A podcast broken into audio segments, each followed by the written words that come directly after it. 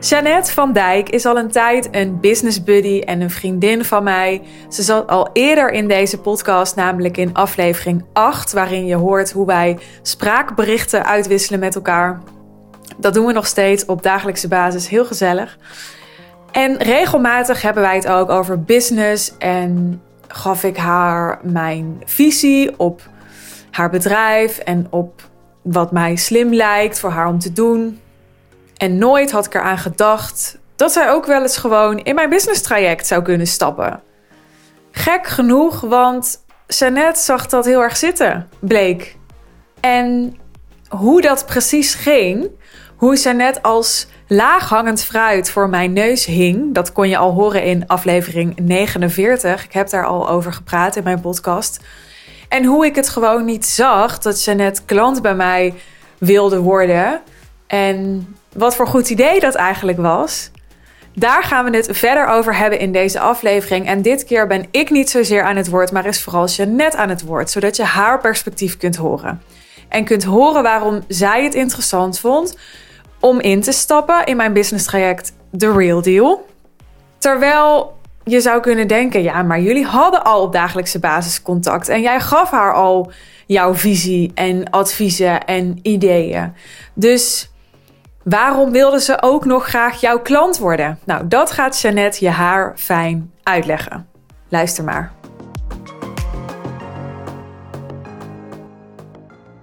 Jeannette, welkom terug in de podcast. Dank je. Leuk dat ik er weer ben. Vertel even over wat jij doet, want er is al een podcastaflevering waarin wij spraakberichten uitwisselen, maar daar komt dat helemaal niet zo naar voren. Dus pak even je podium. Ik help uh, business coaches om beter te leren coachen. Waardoor hun klanten betere resultaten halen. En zij ook, omdat ze hun klanten een grotere transformatie doormaken en dus nog enthousiaster zijn over hun business coach.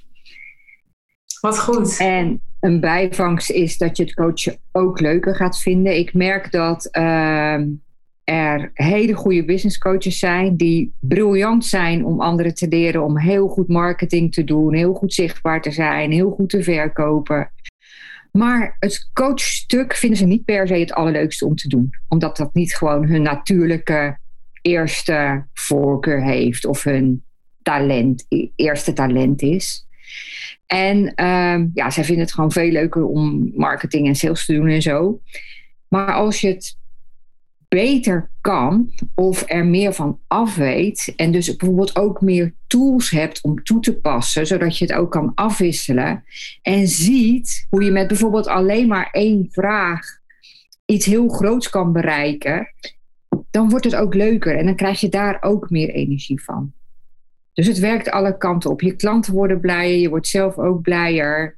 Ja, je krijgt uh, mooie reviews. Uh, ja, je gaat het dus zelf ook leuker vinden. En het leuke van beter leren coachen, dat heb ik zelf ook ervaren. Ik heb uh, twee jaar een coachopleiding gedaan. Want alles wat je leert, dat pas je eigenlijk ook op jezelf toe. Dus ook een bijvangst is, is dat je bij elk stapje, waardoor je meer inzicht krijgt in hoe coaching werkt, dat je dat eigenlijk ook op jezelf uitprobeert en toepast, waardoor je zelf ook weer groeit. Mooi. I love ja, it. Ja, en het leuke is volgens mij dat deze niche zo is ontstaan, of op zijn minst is aangescherpt op mijn event. Klopt dat? Ja, het was helemaal jouw idee. Ik zou er zelf gek genoeg, vind ik nu, nooit opgekomen zijn. En ik zeg gek genoeg omdat het wondergoed bij me past. En ik ben er zo blij mee. Maar ik was er zelf gewoon nooit opgekomen. Jij hebt het gewoon op dat event in volgens mij vijf seconden bedacht. Dus daar ben ik je natuurlijk heel dankbaar voor. Nou, wat heel veel eer. Wat lief, dankjewel. Nou, het is geen eer te veel of zo. Het is gewoon eerlijk. Zo ging het echt. Want ik was er maar mee aan het stoeien. En nou ja, uh, je hebt ook al in een andere podcast uh, verteld. We kennen al elkaar al een tijdje. En we hadden het afgelopen jaar werd ons contact veel intensiever.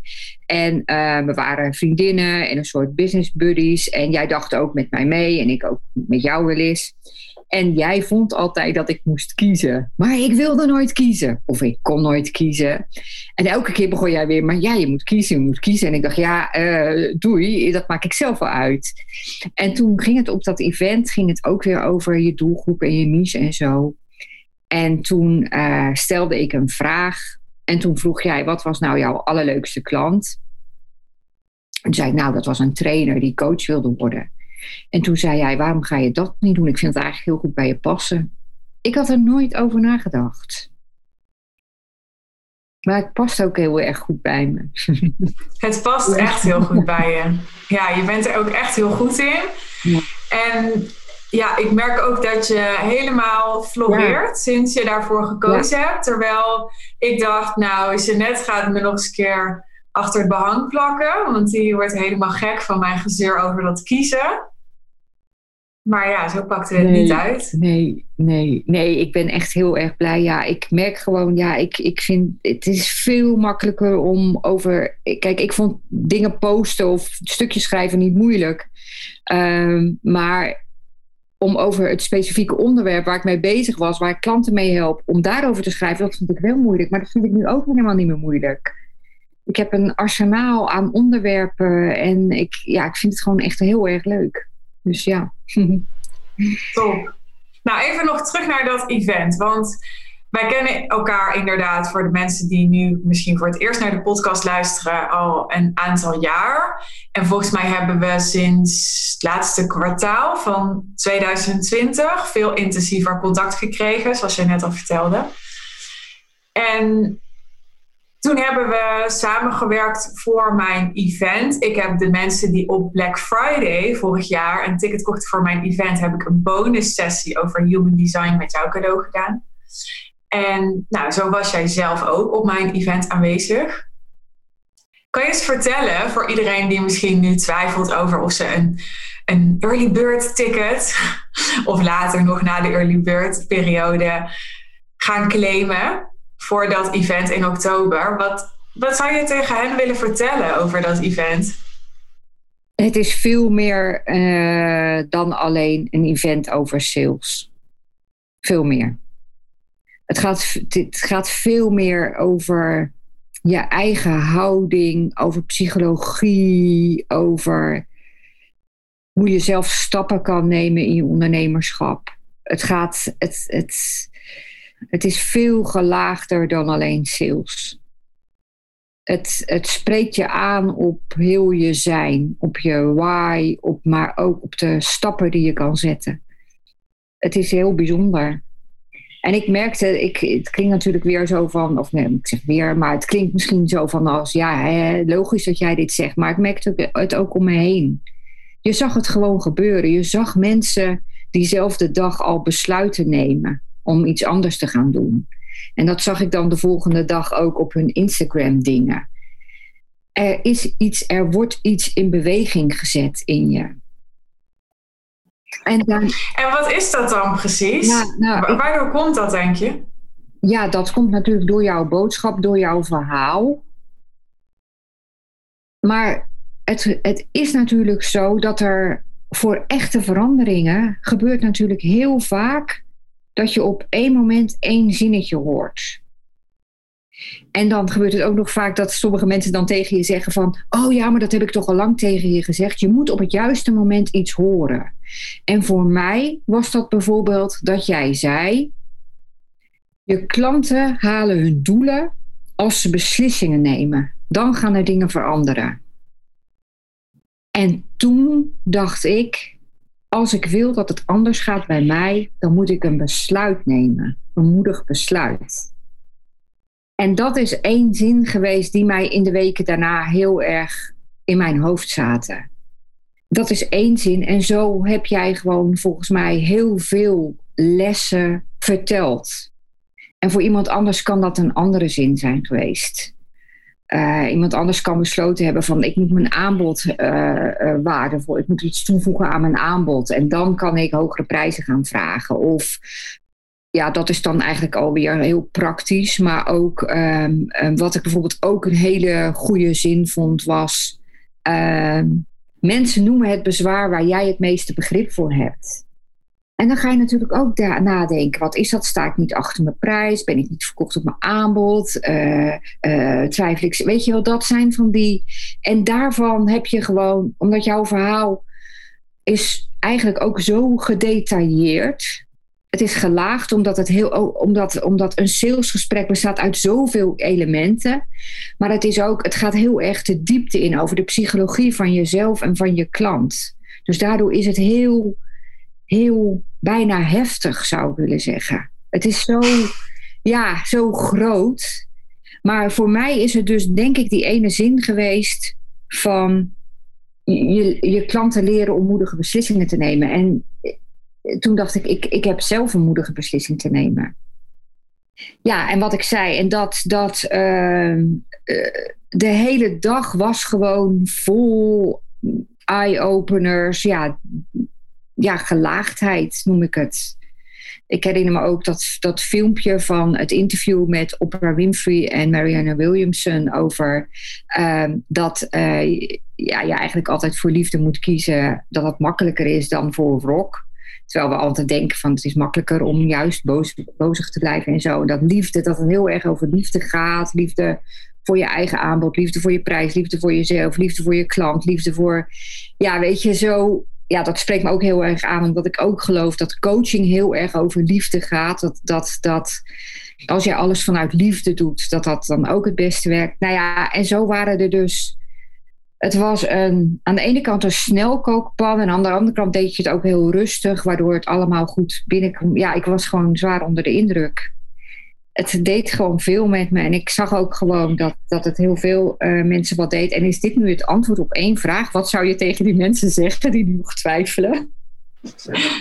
Nou, dan zou ik gewoon zeggen, ja, gun het jezelf. Want het is ook, het was natuurlijk ook in de coronatijd, dus het was ook toen leuk om weer eens een keer op zo'n event te zijn. Er waren allemaal leuke mensen. Ik heb ze niet eens allemaal gesproken, maar je hebt gewoon leuke gesprekken. Gewoon, het is, het is luxe, het is met lekker eten in een luxe omgeving. En zal ik nog even doorgaan over wat ik nog meer vond van het event? nou, volgens mij is het duidelijk. Dankjewel. Ja. Even over die moedige beslissing. Want het is natuurlijk makkelijk om te zeggen: ik realiseerde me dat ik een moeilijke beslissing moest nemen. Maar heb je dat daarna ook gedaan? En hoe zag dat eruit? Ging dat over die niche? Die ging, die ging over die niche. Daar had ik natuurlijk toch nog wel weer wat weerstand tegen. Of misschien angst op. Of aarzeling over. Want ehm, dus ik heb er toch nog weer een paar weken over gedaan om, om dat echt te kiezen. En ik ging toch weer kijken of ik niet toch een andere niche kon kiezen. Die tijd had ik gewoon nodig. En uiteindelijk dacht ik ook van, nou ja, als ik echt wil doorpakken, als ik echt wil doorbreken en uit ehm, een situatie wil komen waar ik al een paar jaar in zit, die niet per se slecht was, maar niet uh, bij mijn ambitie hoorde, dan moet ik nu iets gaan doen. En toen uh, ben ik bij jou uh, klant geworden. Ja. Dus dat zijn eigenlijk. Maar ik denk dat de achterliggende beslissing was van: ik ga er nu echt voor. Ik ga er nu echt voor. Ik ga nu doen wat nodig is. Mooi. Hm. Je zegt nou even zo snel en toen ben ik bij jouw klant geworden, maar daar zaten inderdaad nog wel een aantal weken tussen. Dus voordat ik jou de volgende vraag stel, wil ik eerst nog wat zelf delen over hoe ik die weken ervaren heb. Want jij was op mijn event en daarna zijn een aantal mensen klant bij mij geworden. En ik heb nooit bedacht na dat event om jou op te volgen als potentiële klant. Daar heb ik ook al een aflevering over opgenomen. Over hoe jij voor mijn neus lag als potentiële klant en ik het gewoon niet zag. En ik ben benieuwd hoe jij er naar kijkt. Hè? Wat maakte dat jij wel zag dat jij mijn potentiële klant was en waarom jij denkt dat ik het niet zag? Nou, wij hadden natuurlijk al in januari of in december een sales uh, call gedaan. En toen had je het ook niet gezien. En toen uh, heb ik het niet gedaan. Dus ik dacht zelf van ja, ik, ik, heb, ik was er geloof ik ook niet zo mee bezig of jij dat nou, of jij daarmee bezig was of niet. Het was gewoon mijn eigen proces. Maar ik rekende er ook niet zo op, want het was de eerste keer ook niet gebeurd. Dus nu dacht ik, ja, het is gewoon aan mij. Het is niet, en wat ik van jou nodig had, en dat wist jij denk ik niet. Maar ja, ik ben dus een projector in Human Design. En projectors in Human Design die wachten eigenlijk op de uitnodiging en die hebben ook veel erkenning nodig. En ik had een soort nodig dat jij in mij geloofde. En misschien wist ik dat eerst nog niet helemaal zeker, maar toen, ja, toen raakte ik wel overtuigd dat jij wel, eh, want er zijn nog, we hadden natuurlijk nog steeds van die gesprekken. En jij zei ook een keer tegen mij van, ja, jij moet veel groter denken. Weet je, want toen dacht ik, oh ja, weet je, jij gelooft wel dat, ehm, dat ik nog een stap te maken heb en dat ik dat nog kan, weet je wel. Dat had ik ook nodig. En dat kreeg ik, dat heb jij niet bewust gedaan, want dat was helemaal niet de bedoeling of zo, maar dat voelde ik wel door dit soort opmerkingen van, ja, je moet echt kiezen. En uh, ja, dan, ga je het, dan gaat het echt veel makkelijker voor je worden. En jij, jij, jij houdt jezelf zo klein. En ik keek eerst ook op een bepaalde manier tegen jou aan. Maar nu ik je beter kent. En als je dat zou laten zien, nou ja, maar dat soort dingen. Die had ik ook nodig om zelf die beslissing kunnen, te kunnen nemen. Waarom heb je het in eerste instantie niet gedaan? Dus ben je toen, even voor de mensen die denken waar gaat dit over, we hadden inderdaad in december een sales call over mijn business traject de Real Deal. En toen heb je het nog niet gedaan. En toen ben je in maart naar mijn event gekomen en daarna heb je het wel gedaan. Maar misschien ook interessant om even te delen, waarom eerst nog niet? Ja, ik had er nog een andere coach in, uh, in Engeland die speciaal voor projectors is. En ik had het gevoel dat ik nog wat uit te zoeken had over mezelf. En dat is misschien ook gebeurd, dat weet ik niet zo. Maar ehm, ja, ik voelde gewoon, ik had eigenlijk, jij vroeg wel eens, heb je spijt? En dan zei ik, nee, ik vind spijt geen goede emotie. Of daar heb je ook allemaal helemaal niks van aan. En waarom zou ik spijt hebben? Maar dan dacht ik altijd achter in mijn hoofd van, ik heb wel spijt. dus ja, wat kan je met spijt doen als je het nog genoeg, toch nog uh, goed kan maken, zeg maar. Als je het jezelf alsnog kan geven. Nou ja, dat heb ik toen gedaan. Mooi. Maar dan moest ik wel even, moest ik weer even een paar maanden had ik daar weer voor nodig om dat dan uiteindelijk te gaan doen. Oké. Nou kan ik me voorstellen dat mensen die weten dat wij regelmatig contact hebben als vriendinnen, als business buddies, zoals jij zei, dat die denken, ja, uh, waarom dan nog klant worden? Hè? Want inderdaad, je spart toch al met elkaar. En zoals jij net al zei, je ik gaf jou toch al ideeën en ik reikte jou toch al dingen aan. En jij had ook heel goed kunnen denken, ja, weet je, als ik advies wil of zo, dan kan ik toch al naar Suus toe gaan. Dus waarom vond je het überhaupt interessant om nog mijn klant te worden dan? Nou, ik denk dat als je ervoor betaalt, dat het heel anders is.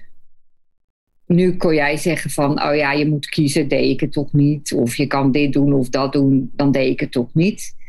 Weet je, dan het hoorde ook bij de moedige beslissing om er een investering bij te doen.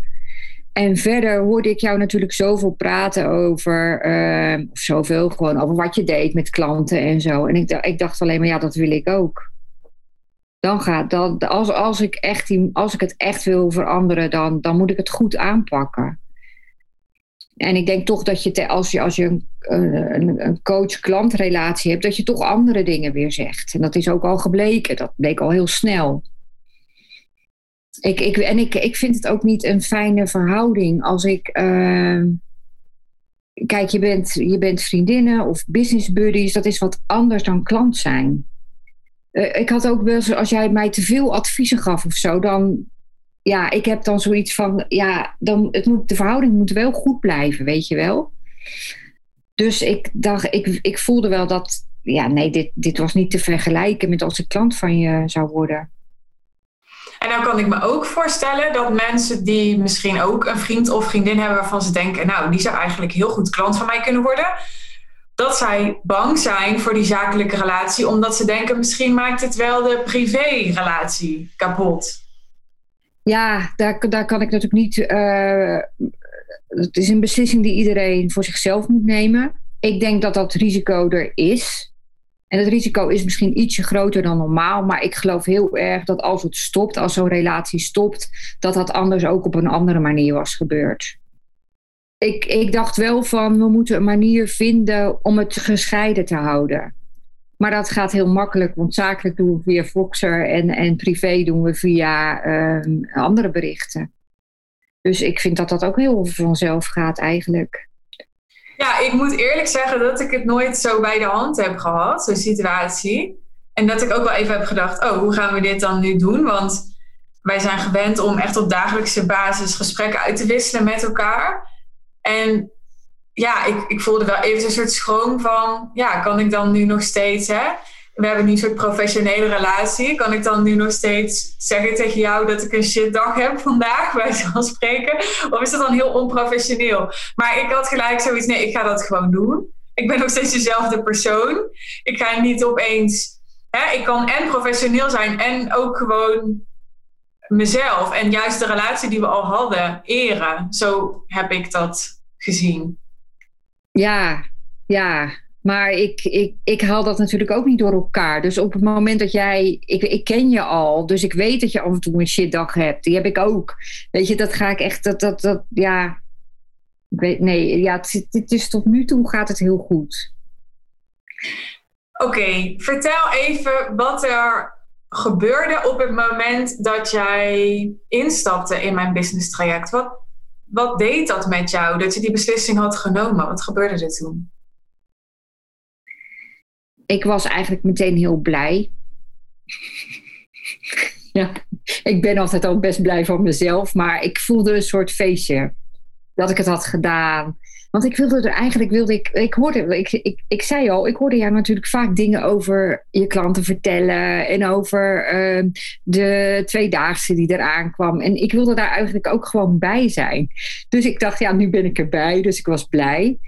En het is al, uh, ja, je begint met uh, vier uh, kick-off calls. Ja, die vond ik meteen al geweldig. Ja, is, er is, het is ik kan gewoon niet zo goed uitleggen wat er veranderd is. En ik snap ook wel dat mensen denken, nou hou nou maar eens even op. Maar het is gewoon, ik zeg dit allemaal gewoon zo oprecht en zo uit mijn hart. En het is zo eerlijk en er zit geen greintje overdreven bij. Dat is gewoon echt zo. En makkelijk is het natuurlijk ook. Kijk, het, ik, weet je, ik zal even vertellen wat er gebeurd is. Zal ik dat maar gewoon doen? Um, de, een van de eerste dingen waar jij mee begon, is met mijn posts voor Instagram. En voor wie het niet weet, ik ben voordat ik uh, een, een, een job uh, switch deed, ben ik 29 jaar in vaste dienst geweest bij kranten.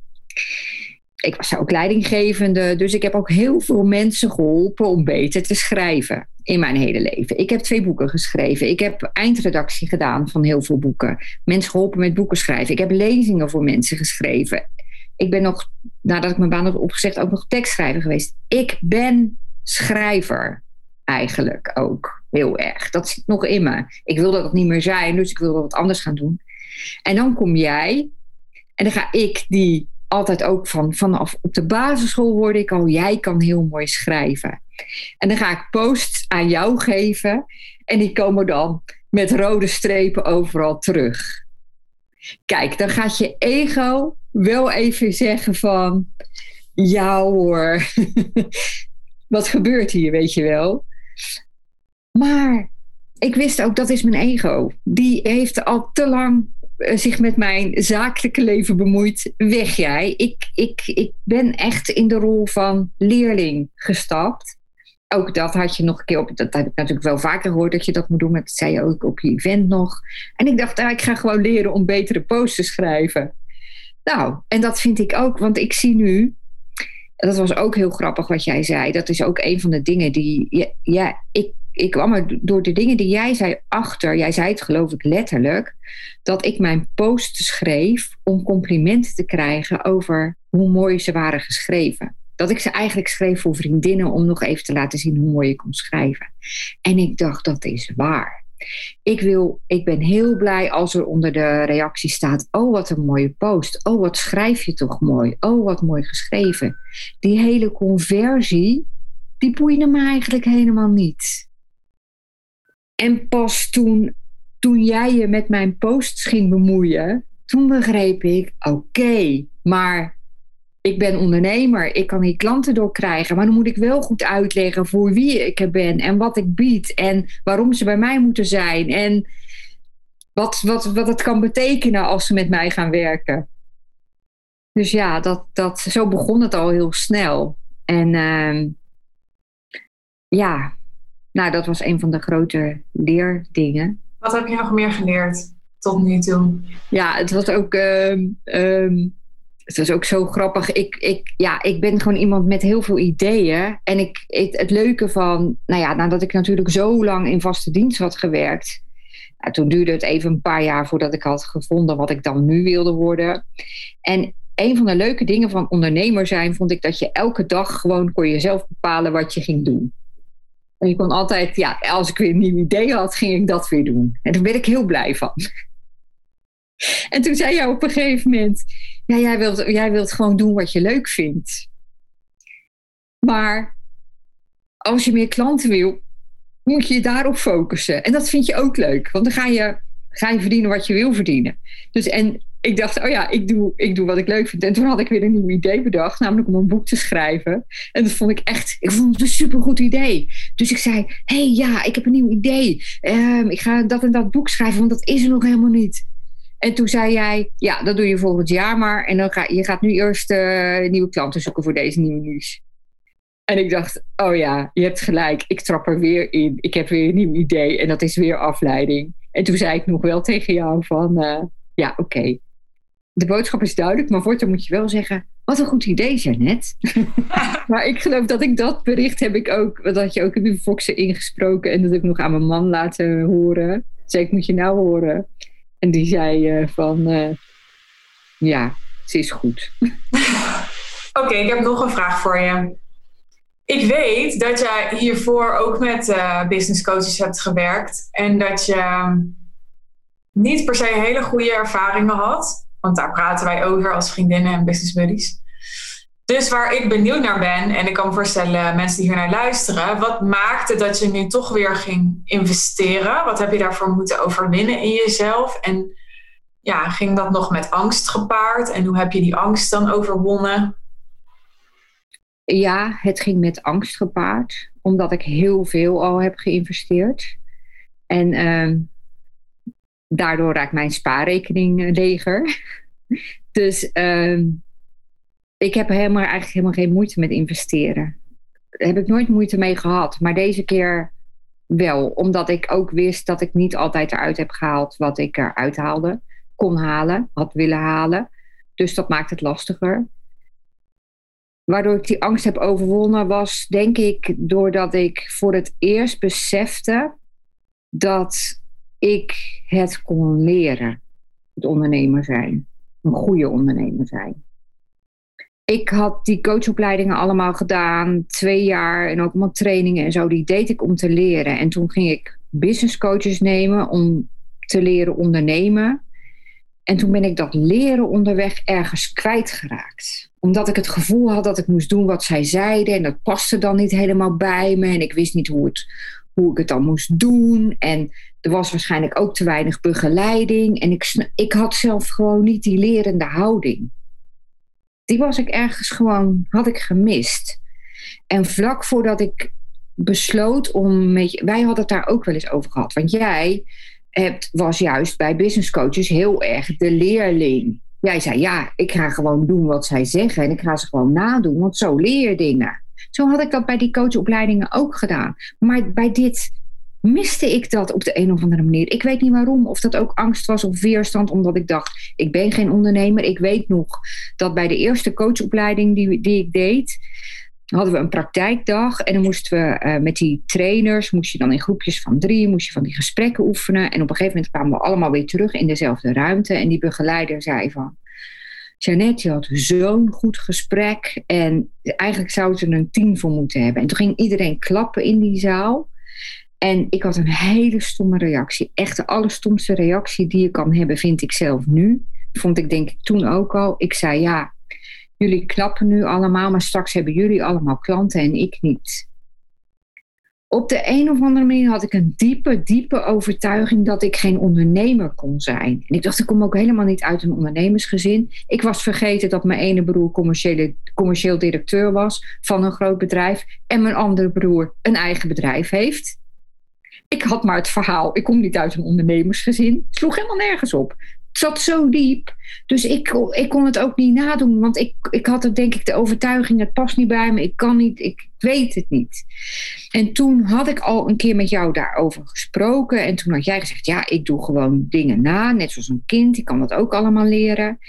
En toen sprak ik iemand anders, die deed ook, zat ook bij een business coach. En die, die vroeg aan mij dingen, die belde mij op, die wilde ergens over praten. En die zei van, ja, hoe zou jij dat doen? Want, en toen zag ik, toen zag ik ineens haar. Toen dacht ik, zij is ook de leerling. Zij probeert te doen wat ze moet doen. En zij vraagt nu, ja, hoe zou jij dat? Of weet jij dat? Of weet ik het.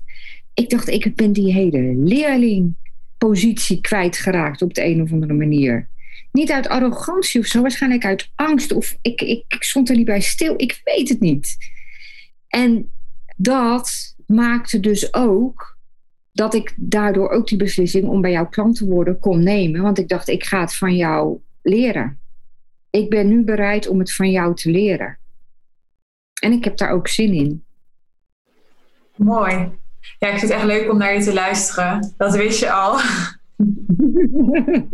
Daarom wissel ook zo vaak spraakberichten uit, maar ik vind het nu gewoon weer leuk. Echt een feestje. Het is ook ego-streling natuurlijk, hè? dat scheelt ook. Ja, ik snap het. Ja. Vind, je dat, vind, je dat ongemakkelijk? Ja.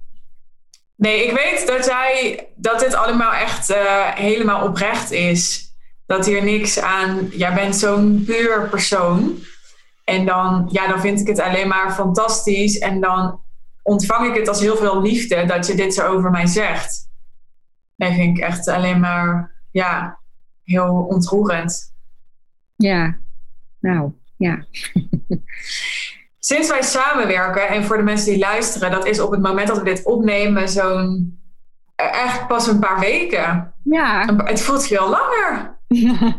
Grappig is dat. Maar goed, sinds wij samenwerken heb je al een paar keer gezegd nou, dat je veel aan het leren bent bijvoorbeeld, maar ook dat je, ja, dat je vindt dat je heel veel krijgt. En dat, dat het voelt als dat je een diamond klant bent. Ik noem Diamond is mijn, mijn naam voor ja, een, een, bijvoorbeeld een paar klanten die je hebt op jaarbasis en die echt je, je super high-end aanbod kopen. Dus je hebt een high-end aanbod, maar daarnaast heb je misschien nog een paar bijvoorbeeld één op één klanten. En dat zijn dan je diamond klanten en die, ja, die krijgen misschien intensievere begeleiding of extra begeleiding of iets speciaals. En zou je daar wat over willen vertellen? Wat maakt dat je het gevoel hebt dat je, dat je zoveel krijgt en wat is dat dan? Uh, ja, nou ja, je begint al met vier kick-off calls. Dat is al heel waardevol in het begin. Daardoor ben je al meteen goed op de rit. En daarna heb je natuurlijk, nou, daarnaast heb je de Voxer coaching, die ja, dat je een bericht kan achterlaten en een reactie krijgt. Maar ik denk eigenlijk dat de achterliggende ding is dat je voelt en ik weet dat ik daar niet een, een, een, een aparte positie in heb, dat jij dat hebt voor al je klanten, dat jij gewoon enorm betrokken bent bij je klanten. Jij wilt van ons allemaal dat wij onze doelen halen. En daar zit natuurlijk ook achter dat jij ook wil dat je klanten goed slagen, want dan heb jij ook weer goede reviews en weet ik veel wat. Maar jij bent ook, je bent betrokken en in verbinding. En dat, dat uitzicht in bijvoorbeeld dat je op zaterdagochtend nog een berichtje, niet een berichtje, maar een hele lap tekst krijgt van dit en dit en dit. En dan heb je er echt over nagedacht van hé, hey, dat is met jou aan de hand. Jij hebt, ik heb je ook gevraagd, ja, wat is daar jouw grotere visie voor mij? Nou, dat was ook een heel uitgebreid verhaal.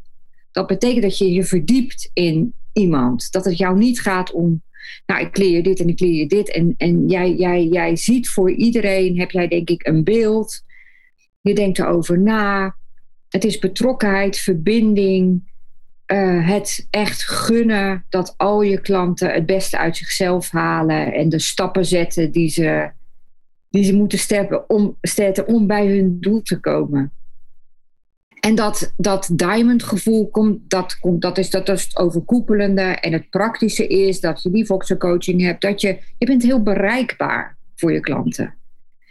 En dan zo'n zo'n extra kers op de taart vind ik dan de, de uitnodiging voor die tweedaagse. Die is op een hele mooie plek. En we gaan ook eten. En ja, weet je, dat is, wordt gewoon soort, een soort feestje, weet je wel. Dan denk ik van, oh heerlijk, dat lekker twee dagen weg naar een mooie plek. En alle aandacht weer op ons en op onze stappen, op ons proces. Op lekker weer veel leren. En ja, nou zo.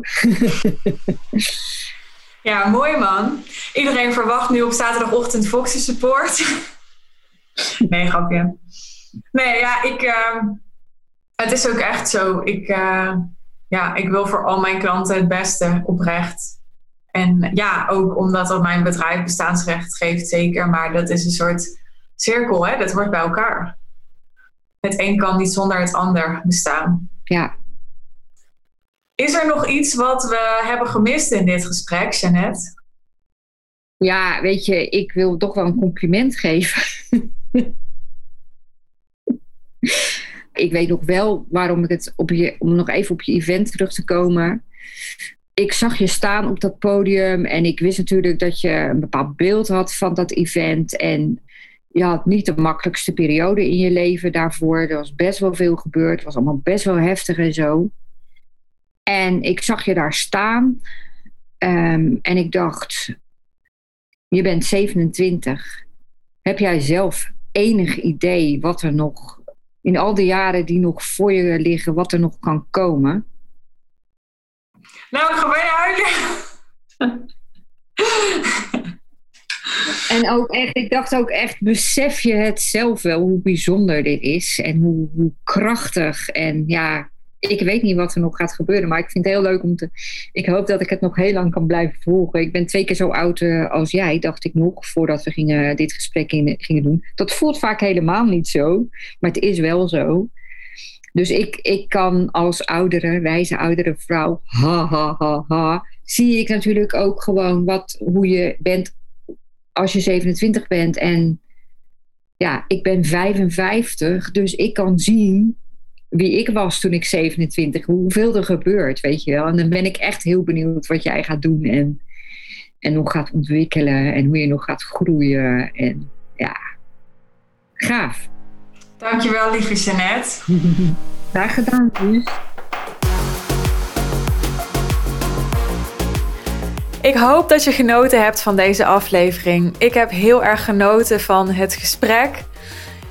Ik was niet veel aan het woord. Ik was enorm dankbaar en vervuld door wat net allemaal vertelde. Ze is een enorm lieve schat en ik weet dat alles wat ze zegt 100% puur en oprecht is. En ik wil haar daar enorm voor bedanken als ondernemer, als business buddy en als vriendin. Dus drie keer dankjewel. En ik wil jou heel graag bedanken dat je weer geluisterd hebt. Mocht deze aflevering je geïnspireerd hebben om ook met mij in gesprek te gaan en te onderzoeken wat ik voor jou kan betekenen met mijn business traject, dan ben je heel welkom om je call met mij te boeken. Doe dat via de link in de omschrijving bij deze podcastaflevering. Op de pagina waar je de call kunt boeken kun je ook meer lezen over het business traject. En mocht je nog een vraag hebben, schroom niet, stuur me een DM op Instagram en ik help je. Super dat je er weer bij was en heel graag tot de volgende aflevering. Bye bye!